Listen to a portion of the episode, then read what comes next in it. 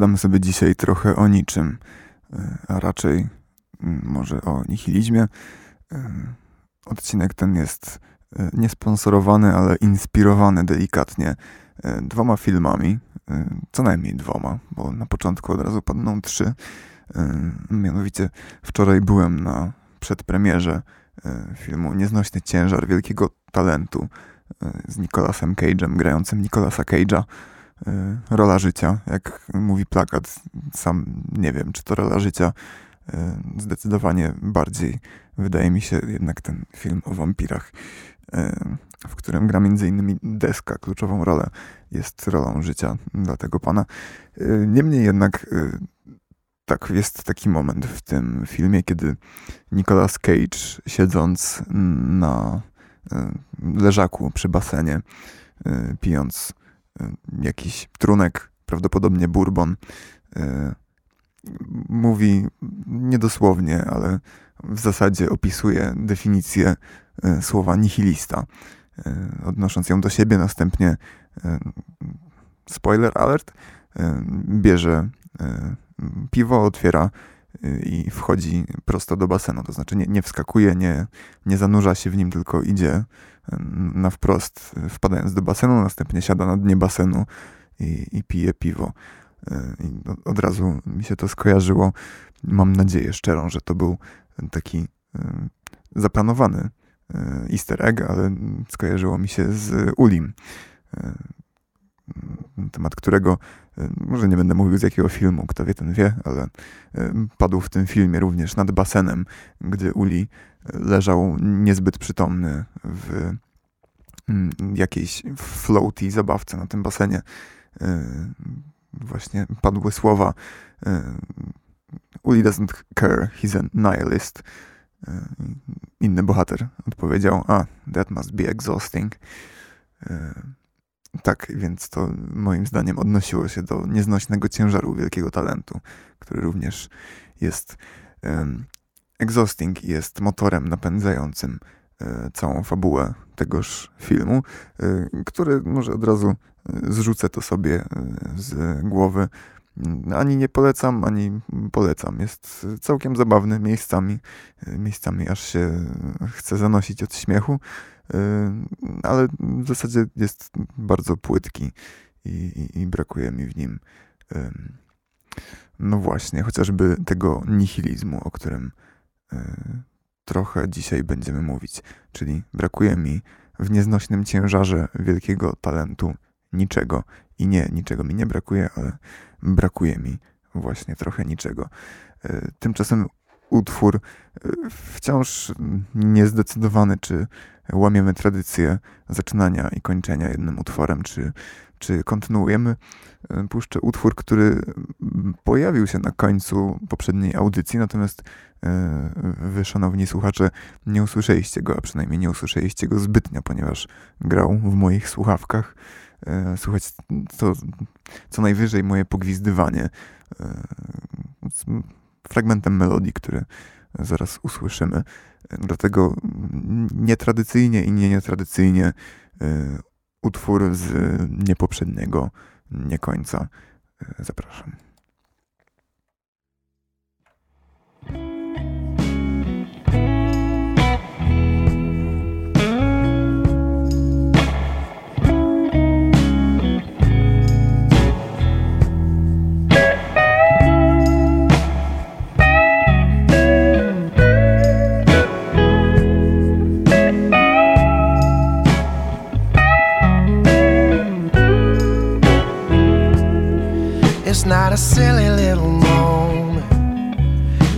The storm before the calm.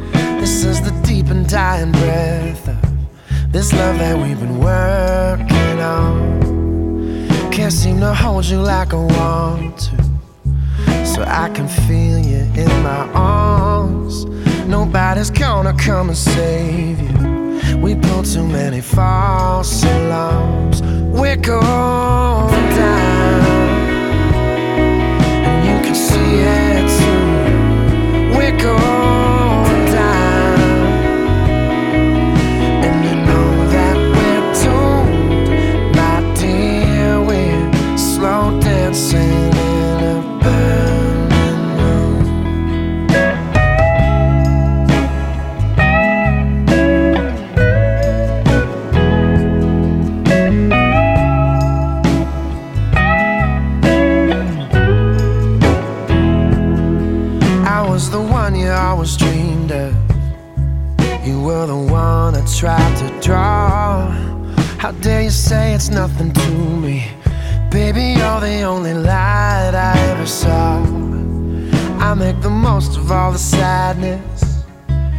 Be a bitch because you can.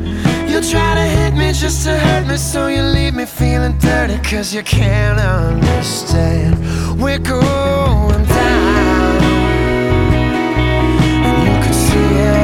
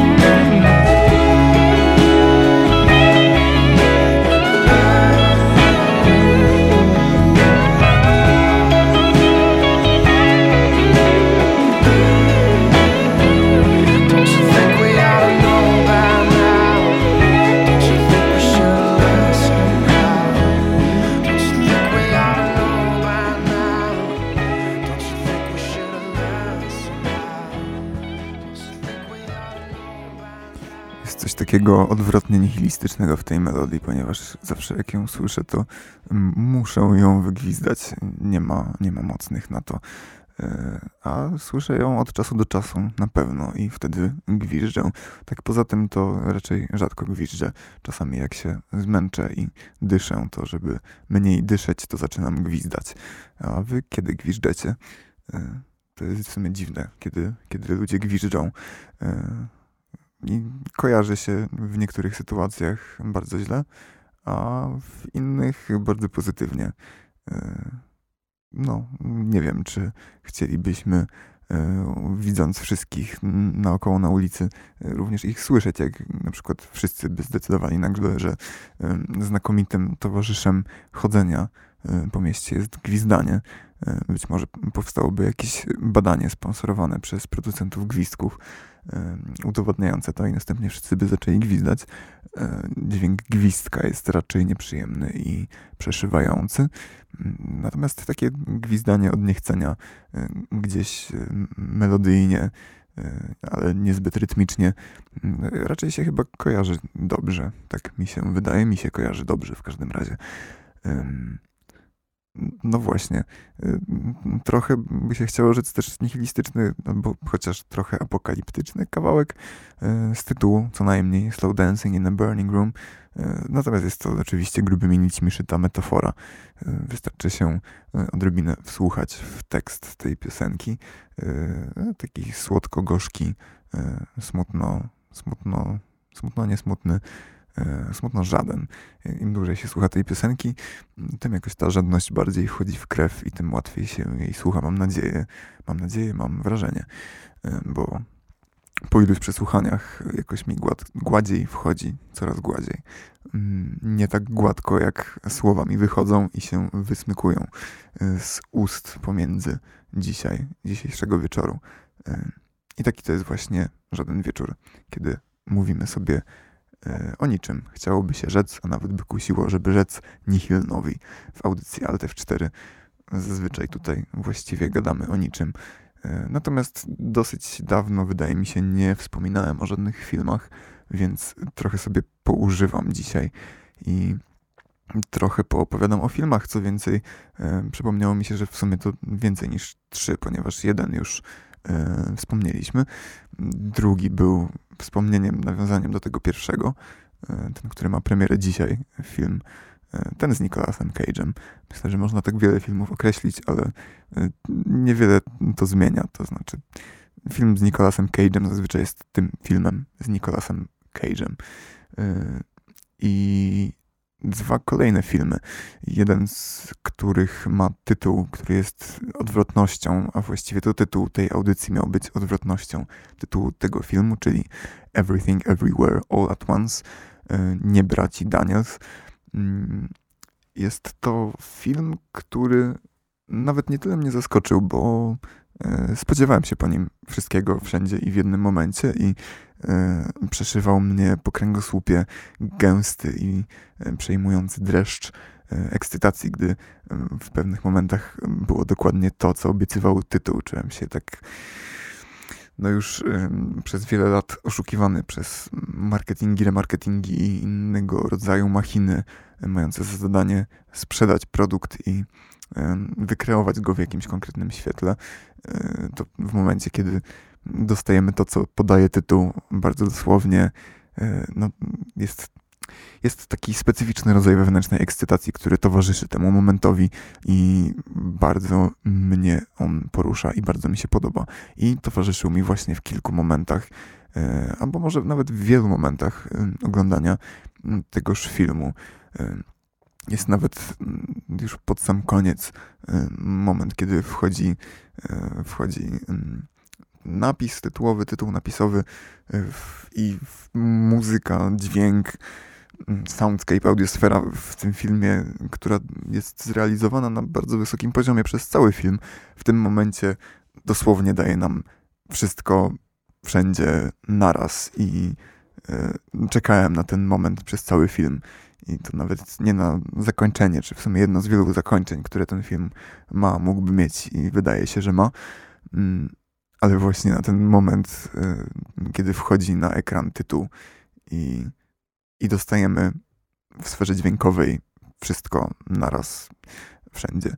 Y, wszędzie to znaczy w całym spektrum y, częstotliwości, tak, tak to interpretuję, w perspektywie audiosfery. To też w sumie jest dosyć ciekawe, bo rozmawiałem jakiś czas temu z kimś, że e, z kimś, kto generalnie zajmuje się e, w sztuce raczej wizualną stroną rzeczy i tak sobie casualowo rozmawialiśmy o jakichś filmach, o kinie. No i ja napomknąłem, że właściwie głównie chodzę do kina ze względu na dźwięk i no, jako osoba zajmująca się w, na różne sposoby dźwiękiem od lat wielu i no, przykładająca sporą uwagę do tego na co dzień i nie tylko, e, no, nie wydaje mi się to bynajmniej dziwne, żebym chodził do kina ze względu na dźwięk e, i to nawet tam nie ma większego znaczenia, że w teorii przynajmniej jakieś tam monitory douszne czy inne urządzenia reprodukujące dźwięk, które jestem sobie w stanie zapewnić w domu, mają większą szczegółowość, większą rozpiętość tonalną, dynamikę i tak dalej, mm, większą głośność być może, ale kino jednak jest pomieszczeniem, w którym dźwięk się rozchodzi w specyficzny sposób, to znaczy jest wręcz mm, przewyciszonym, przeciszonym, wręcz nazbyt wyciszonym mm, pomieszczeniem, gdzie dźwięk, szczególnie dźwięk przestrzenny, który jest w kinie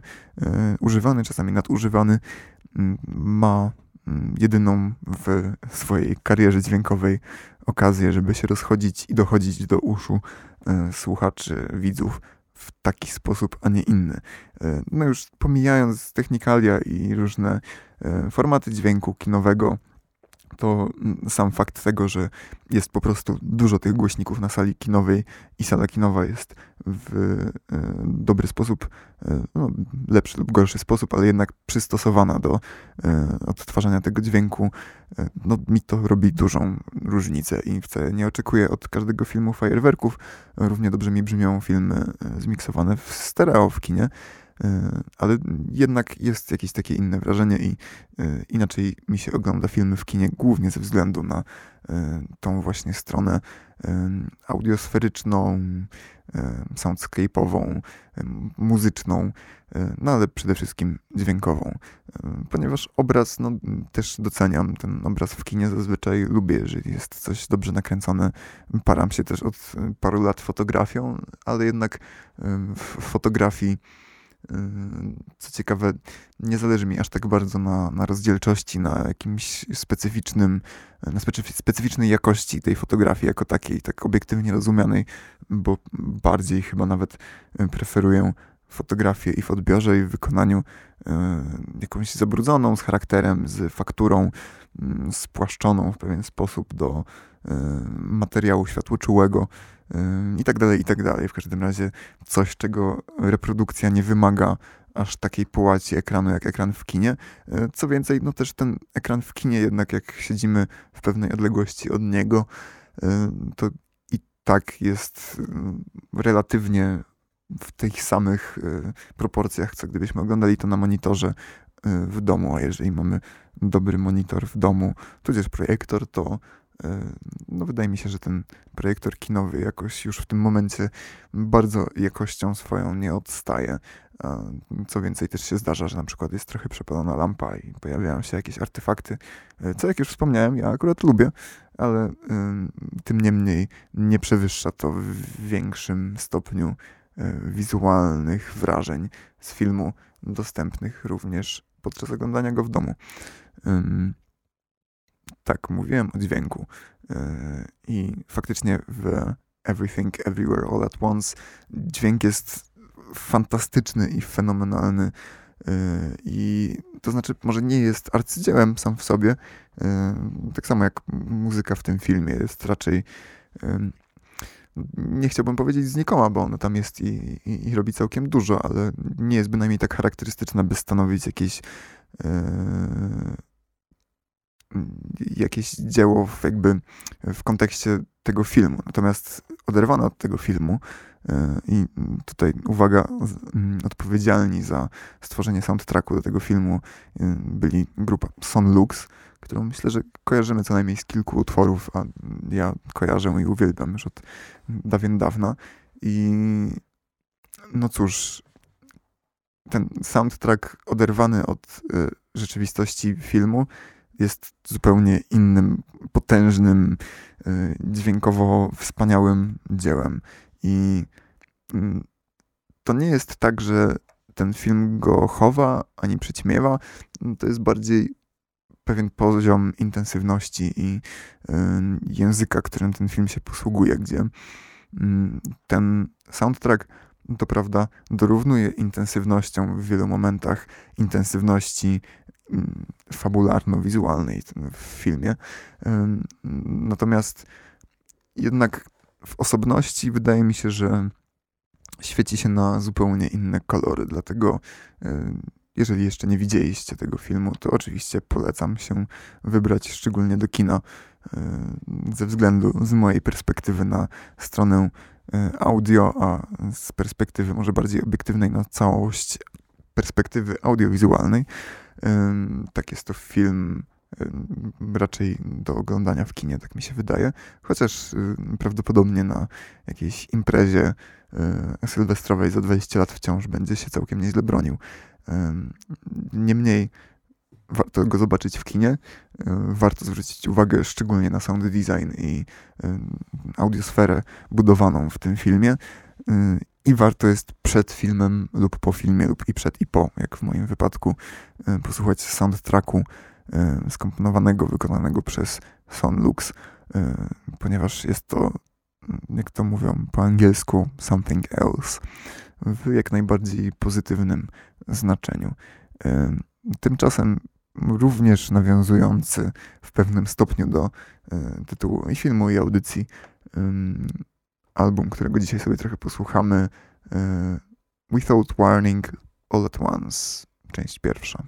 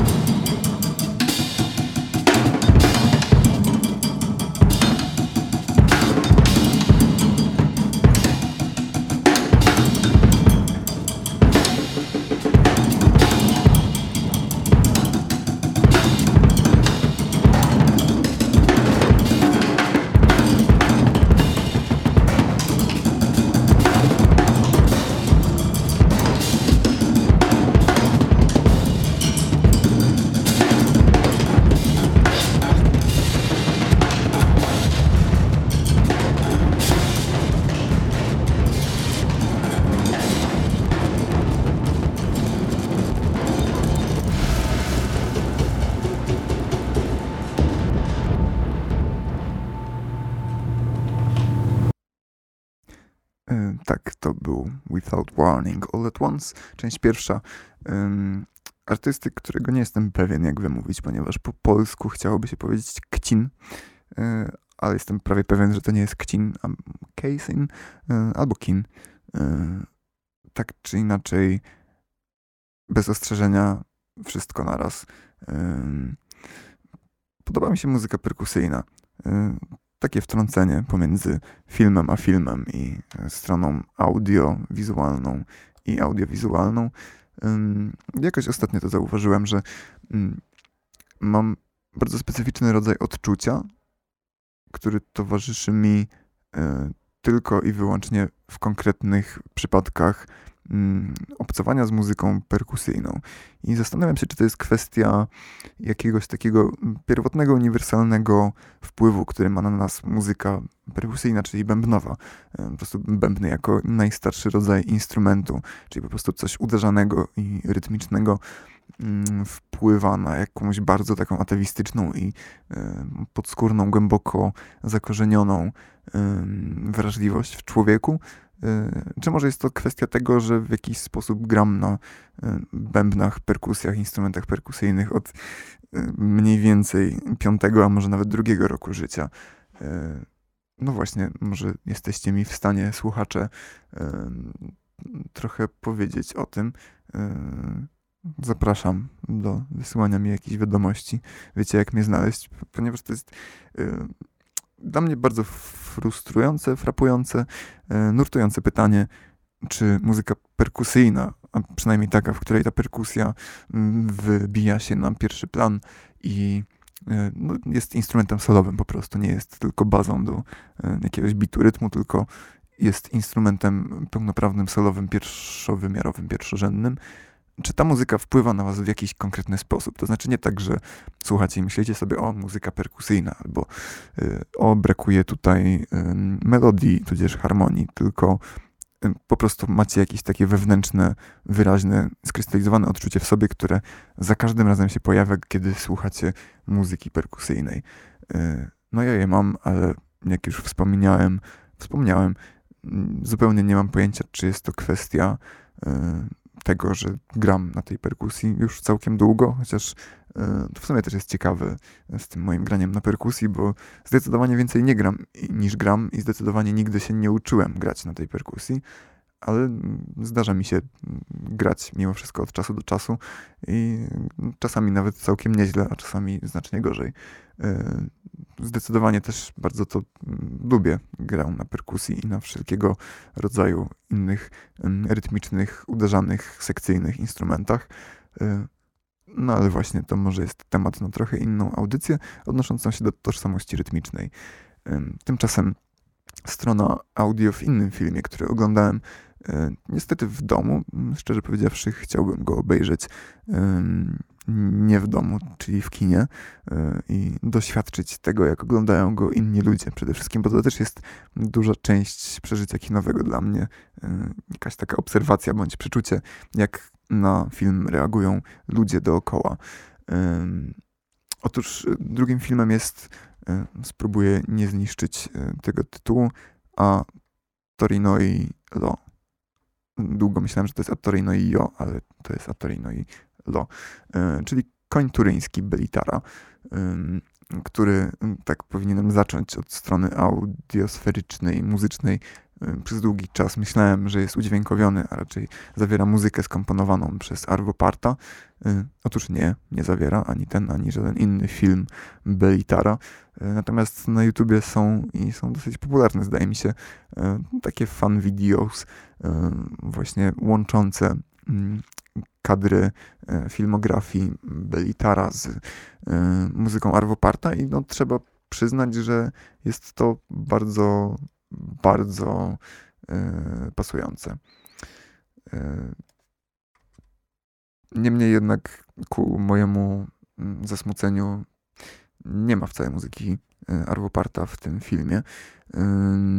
Jest inna muzyka, jest jej trochę jest, nawet bym powiedział bardzo trochę, ponieważ mimo, że na rozciągłości czasowej pojawia się od czasu do czasu dosyć regularnie, to um, oryginalnego materiału muzycznego jest tam naprawdę trochę. Jest po prostu powtarzany i powtarzany ostinato, podobnie jak e, soundscape i sound design w tym filmie, e, który w zasadzie opiera się do e, opiera się na wietrze i ogranicza się do tegoż wiatru w większości.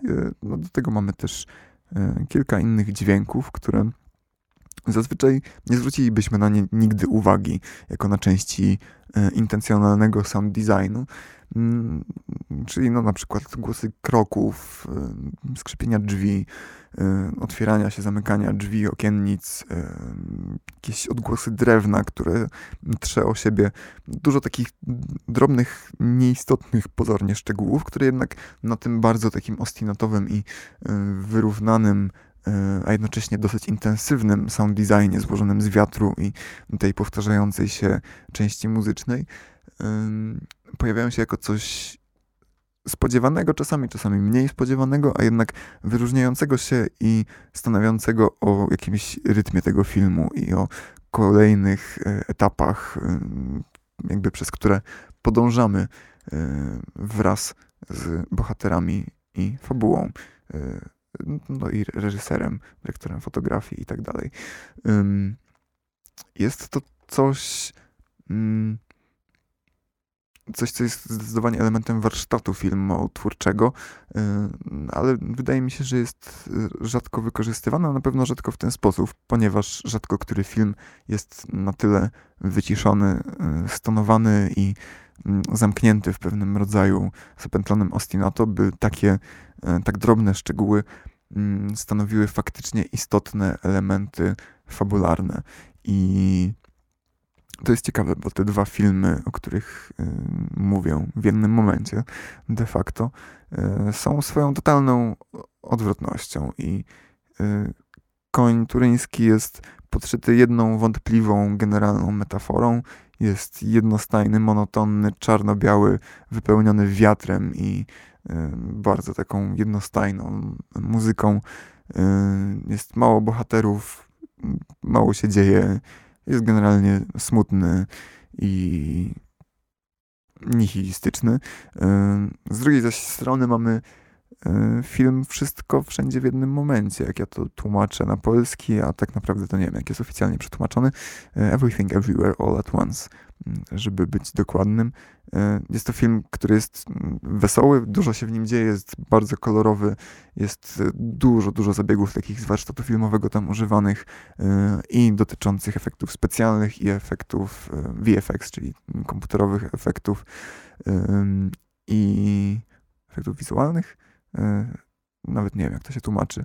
I wszelkich innych sztuczek i machlojek i różnych aktorów, kaskaderów i w ogóle wszystkiego wszędzie, jak obiecuje tytuł w jednym momencie. E, jest w tym filmie pełno i jest on z tym przesycony i bierze to jakby tą koncepcję za frak i wykorzystuje w pełni potencjału, tak mi się wydaje, albo prawie że w pełni. I e, no to jest świetna jakby konsekwencja zarówno jednego, jak i drugiego filmu, gdzie jeden film, czyli Koń Turyński, jest e, takim w pewien sposób klejnotem koronnym Belitara, który mówił mniej więcej w tamtym okresie, że znalazł wreszcie swój język filmowy i e, wie, wie, jakie filmy chce kręcić i że to jakby to, jaki jest ten koń turyński, jest w pełni tym, co on oczekuje od swojego dzieła. Y, to jest niesamowite, jak bardzo jest estetyczny ten film, jak mm, na jakich e, falach i jakim spokojnym językiem mówi, ale jednak mówi cały czas i e, w tych detalach i e, maleńkich, maleńkich częściach składowych mówi historię o o końcu świata. No, tak, tak jest zazwyczaj to interpretowane. Moim zdaniem nie do końca o końcu świata, może właśnie bardziej o nihilizmie i o nicości pochłaniającej, yy, pochłaniającej świat, ale taki bardzo prywatny, czyli może nawet nie świadomość, ale taki najbliższy, najbliższe otoczenie, o nicości pochłaniającej najbliższe otoczenie. Z kolei we Everything Everywhere All at Once. Mm, jest również nicość i również jest przez postać Jobu Tupaki i e, Everything Bagel utożsamiona i skrystalizowana w tym filmie. I e, no w zasadzie tam głównym e, antybohaterem jest również pewnego rodzaju nihilizm, albo może nawet nie pewnego rodzaju, tylko po prostu nihilizm. I próbuje się w pewien sposób rozprawić film z tym problemem nihilizmu. Przy okazji próbuje się też rozprawić z wszystkim innym, łącznie z bohaterami, dobrymi i złymi ich stronami i yy, no jak tytuł wskazuje już, któryś raz to powtarzam, ale ze wszystkim wszędzie i w jednym momencie. Yy, w każdym razie tak dzieje się tam dużo, niemniej takim bardzo core, to znaczy mm, centralnym tematem dla obu tych filmów moim zdaniem jest właśnie nicość i wynikający z tego nihilizm, bądź nihilizm i wynikająca z tego nicość, ponieważ i w jednym i w drugim filmie y, da się zobaczyć coś takiego, że jest postać bądź y, kilka postaci, które mają nihilistyczne zapędy, które y, prezentują bardzo nihilistyczny pogląd, czy, czy, czy jakiś zestaw poglądów i jakby za tym dąży ta nieodwracalna entropia, ta, ta pustka i to, to nic, które jest kolejnym krokiem, które jest tą przedpaścią, nad którą fabularnie stoją bohaterowie. I no, oczywiście Everything Everywhere to jest Jobu Tupaki i, i jej Everything Bagel, który, który reprezentuje tą nicość i gdzieś to się potem splata i łączy w jej relacji z matką, no to by można klasyczną filmoznawczą freudowską, gdzieś psychoanalityczną, bardziej w sumie laka, lakanowską metodę użyć.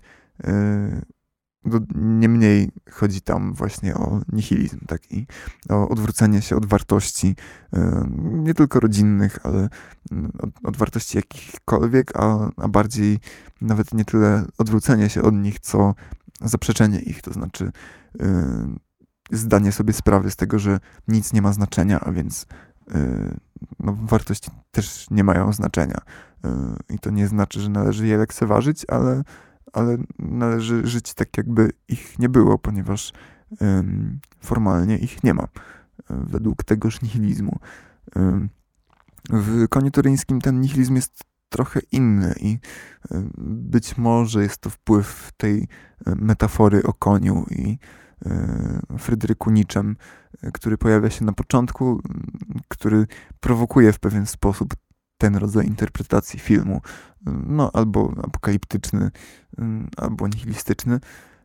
Niemniej tamten bardziej nihilizm wynika z nicości, która otacza scenografię, która otacza ten, to pole, dla dział pole działania bohaterów i ten obszar, wokół którego skupia się film, czyli właściwie jakąś chatę na pustkowiu i y, jej otoczenie w formie wiatru wiejącego non-stop, y, tudzież prawie non-stop, y, chociaż to już w kategorii tego filmu liczy się chyba jako spoiler, przepraszam.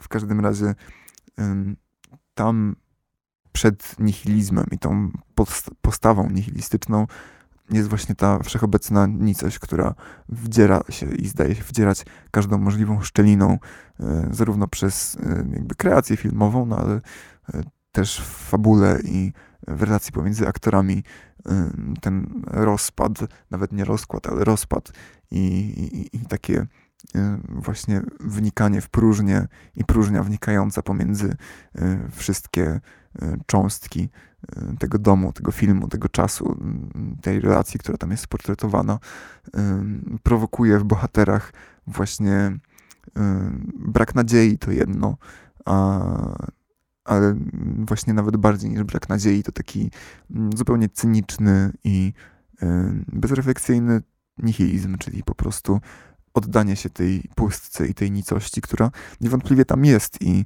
y, nie można się z tym kłócić, nie, nie, można y, grać optymisty i y, starać się żyć jakby nie było, bo jest to równie zła postawa jak nihilizm jest źle portretowany, to znaczy to, co można zarzucić nihilizmowi, to można zarzucić i w optymizmowi w tych kategoriach, jeżeli jest optymizmem mimo wszystko tak samo nihilizm musi być definicyjnie, e, mimo wszystko.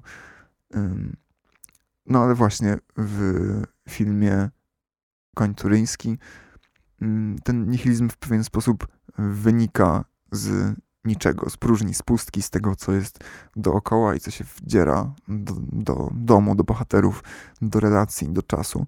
E, w Everything Everywhere All at Once mm, nihilizm jest raczej E, następstwem wszystkiego, e, ponieważ no, ta metafora everything bagel jest swoją drogą gruba, jak sam bajgiel z raczej wąską dziurką. I no, mówi właśnie o tym, że, że, że, skoro jest wszystko i w momencie, kiedy zobaczy się wszystko, można tylko dojść do jednego wniosku, że e, nic się nie liczy i, i, i tak naprawdę mogłoby równie dobrze nie być niczego. Y, no, tutaj wracamy do mm, Spinoza albo Leibnica y, i do pytania, a może to był Kartezjusz, któryś z tych gości i do pytania, dlaczego jest raczej coś niż nic.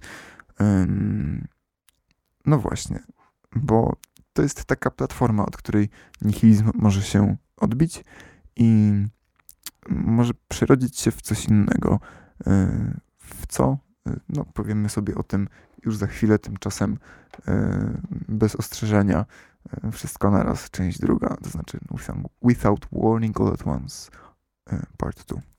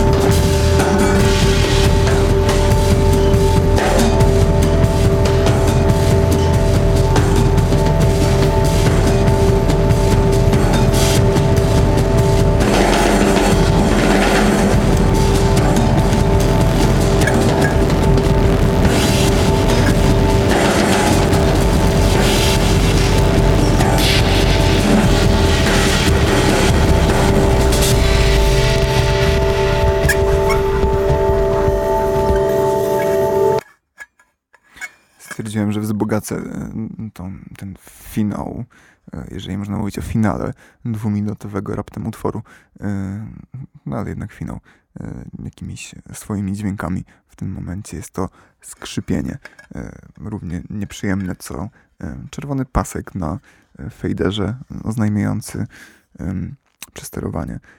Ale zgodnie z tytułem, jak obiecuję, Without Warning All at Once, e, co prawda bardzo rzetelnie za każdym razem daje ten warning, ale e, ujmijmy to za taką nihilistyczną ciekawostkę, smaczek tego wieczoru, e, że za każdym razem ostrzegam przed brakiem ostrzeżenia. Dopóki się tego nie spodziewacie, to albo dopóki się tego spodziewacie, to ma sens? To nie ma sensu. E, nic nie ma sensu, bo przecież mówimy o nihilizmie. E, no tak, no właśnie, w międzyczasie sprawdziłem e, szybki fact check i tak w pierwszym odruchu Leibniz dobrze mi świtał. Tych herbatników się nie zapomina. Ostatnio się dowiedziałem, że to ta sama firma, co robi hity, czyli Balsen jest właścicielem Leibnica niewiele to ma wspólnego z metaforą o bajglu, ale jest to jakąś metaforą. Jeszcze nie wiem jaką. Myślę, że do końca tego odcinka mamy szansę dojść i przejrzeć na oczy, y, o jaką metaforę mi chodzi pomiędzy ciastkiem hit a Leibnicem i pytaniem, dlaczego jest raczej coś niż nic. Y, no, jest to pytanie, podstawowe pytanie metafizyczne, które którym zajmowali się też oczywiście moi ulubieńcy, czyli Heidegger i Wittgenstein. Wielcy filozofowie, którzy pisali tak, jakby nic nie miało znaczenia. Może to jest też kwestia tłumaczenia z języka niemieckiego. Zawsze tak mi się wydawało, że być może ich styl i sposób pisania, z którego ciężko jest wywnioskować rzeczy, jest po prostu błędem w tłumaczeniu. Takim jednym wielkim, kardynalnym błędem, a mianowicie takim, że nie powinno się było tego nigdy tłumaczyć. No jeżeli nie byłoby tłumaczone, to myślę, że prędzej czy później bym się nauczył niemieckiego i przeczytał to tak, jak powinno być to przeczytane. No, na razie mogę być tylko znużony i zniechęcony tygodniami, miesiącami spędzonymi na czytaniu tych tekstów w polskim tłumaczeniu. Yy, oraz angielskim, co prawda, które yy, nie było dużo lepsze, ale trochę lepsze. Dlaczego jest raczej coś niż nic?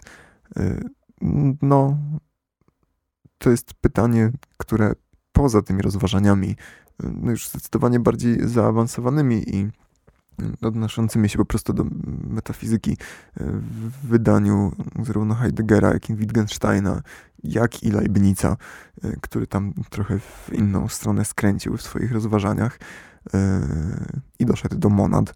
Co ciekawe, o, może właśnie to jest, może to jest właśnie kwestia tej metafory, którą się zastanawialiśmy, że e, ciastko hit jest tak naprawdę monadą.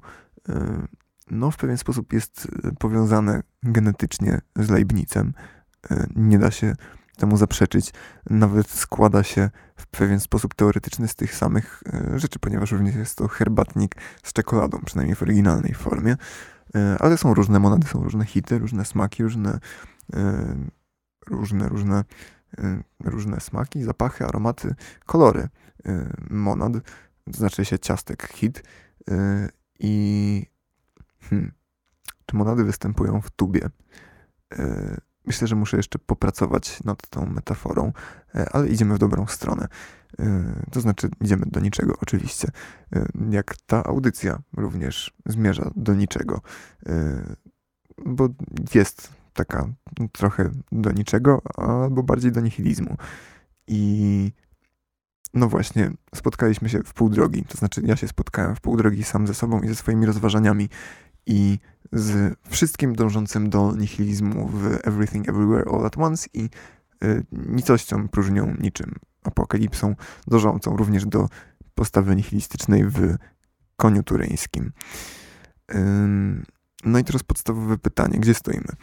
Y, ponieważ y, tak mamy z jednej strony to wszystko, z drugiej strony mamy to nic, jesteśmy sobie my i mamy postawę nihilistyczną, która wynika w pewien sposób zarówno z niczego oddziałującego na nas, wszczynającego się i wynikającego pomiędzy nasze cząstki, nasze relacje, nasze życie, nasz czas i ze wszystkiego, czyli mm, tego, że widzimy wszystko, albo wydaje nam się, że widzimy wszystko, bo oczywiście e, to akurat inni filozofowie o tym mówili, ale wiadomym jest, że nie można widzieć, widzieć wszystkiego.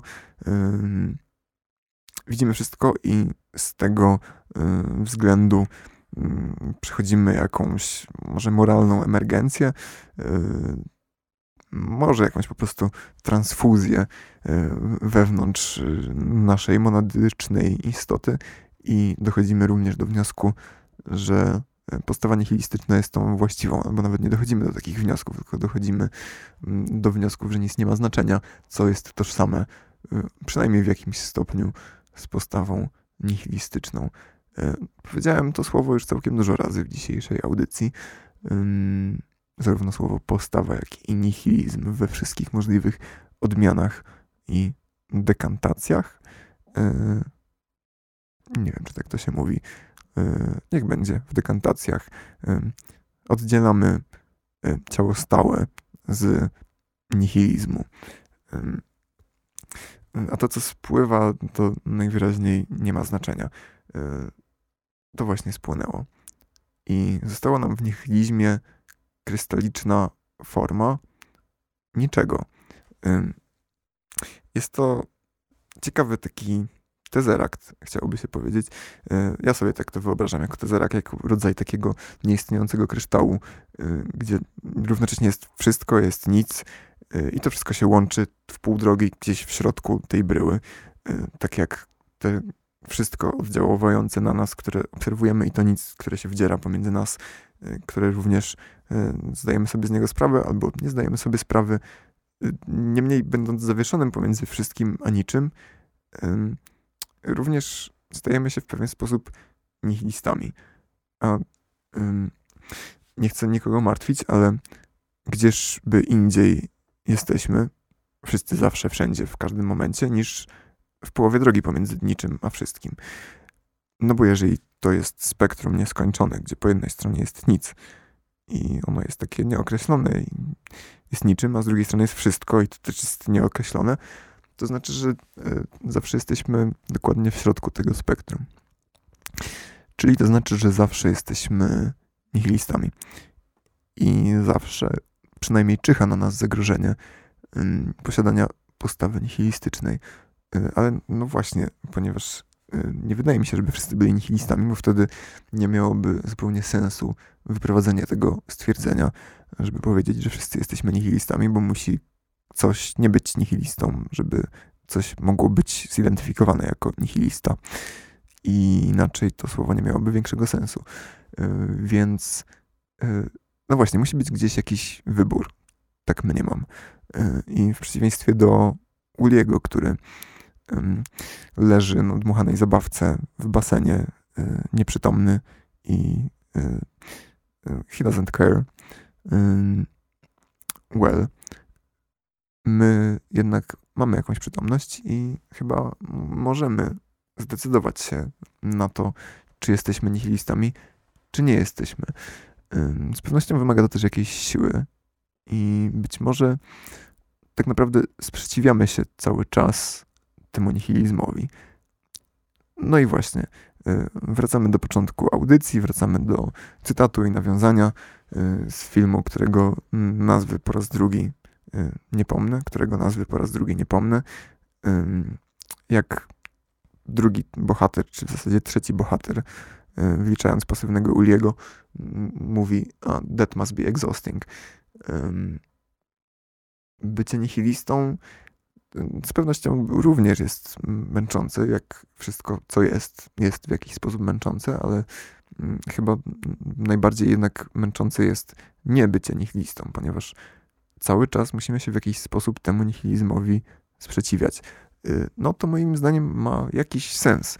Y, nie wiem, czy ma rację i prawdę i, y, i czy w ogóle jest tak, jak powinno być, ale jakiś sens w tym widzę, że cały czas sprzeciwiamy się nihilizmowi i to jest dopiero exhausting. ponieważ z jednej strony aktualnie jesteśmy w społeczeństwie informacyjnym i mamy dostęp do ogromu informacji. Często nam się wydaje, że wiemy wszystko, chociaż tak mm, sokratejsko-platońsko można by powiedzieć, że e, ten ogrom informacji powinien nas nieustannie informować o tym, jak mało wiemy, e, ale tu znowu wciska się nihilizm i wkrada się nihilizm, że skoro i tak nie jesteśmy w stanie poznać wszystkiego, to po co poznawać cokolwiek? E, z drugiej strony i tak informacje cały czas w nas uderzają i tak jakoś je sobie wyłapujemy i tak czy siak mamy, lubimy domknięcie poznawcze, więc zazwyczaj wydaje nam się, że wiemy, widzimy co najmniej większość, yy, większość tego, co powinniśmy, jeżeli nie wszystko tego, co możemy i powinniśmy wiedzieć. Yy, no więc właśnie, po pierwsze możemy się temu odczuciu sprzeciwiać i zakładać, że jednak nie wiemy i to już nas odciąga od tego nihilizmu wynikającego z wszystkiego, tudzież z wiedzenia wszystkiego, z obrazu wszystkiego. Z drugiej strony to nic, które też cały czas nam zagraża i cały czas się zbliża z którejś strony, to też gdzieś musimy cały czas od siebie odpychać. Y, dla każdego to nic może znaczyć coś innego, dla każdego mm, dążenie do entropii, do zniszczenia, y, do braku istnienia jest czymś innym i każdy wydaje mi się, że chociaż raz miał styczność taką realną z tym, to znaczy zdał sobie sprawę z tego, że to, co czuję, jest tym niczym, które gdzieś tam zawsze jest i gdzieś zawsze się może pojawić.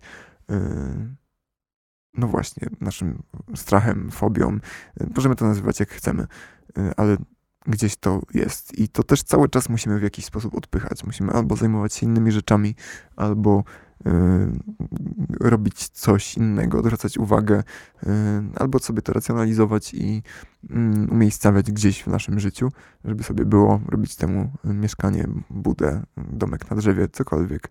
Y, w każdym razie zajmować się tym niczym w taki sposób, żeby odpychać od siebie ten nihilizm, ponieważ nihilizm jest tym w metaforze mm, dążenia do przepaści, czy tam wchodzenia w przepaść niczego, nihilizm nie jest ani wolą dążenia do tego niczego, nie jest ani krawędzią, ani progiem, ani balansowaniem. Yy, no, nihilizmu nie ma, w sensie nihilizm jest zaprzeczeniem całej metafory i po prostu poddaniem się w pewien sposób. Być może nie całkowitym, być może nie bezwarunkową kapitulacją względem niczego lub wszystkiego, ale jednak jakimś poddaniem się, którego, żeby nie, któremu, żeby się nie dać temu poddaniu, musimy cały czas wykorzystywać energię w jakiś sposób i utrzymywać ten nihilizm z dala od siebie. Więc e, tak życzę nam wszystkim, żeby mieć siłę i energię do utrzymywania nihilizmu z dala.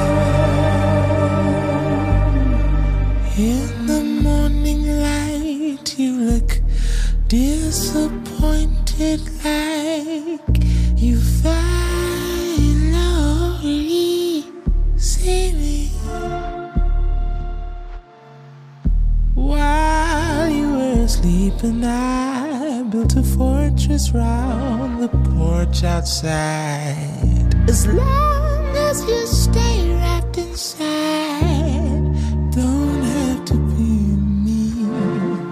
The sky's still borderless. You could still access your free if you just look up at it.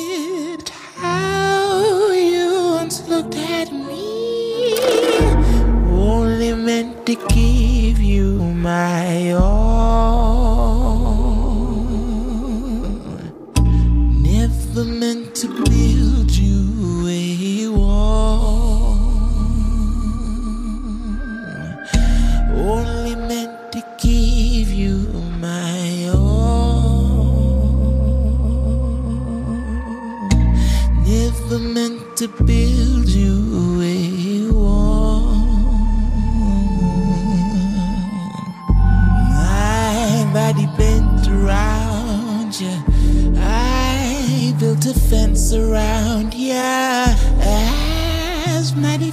Surrounds you, it's the expense that drowns you.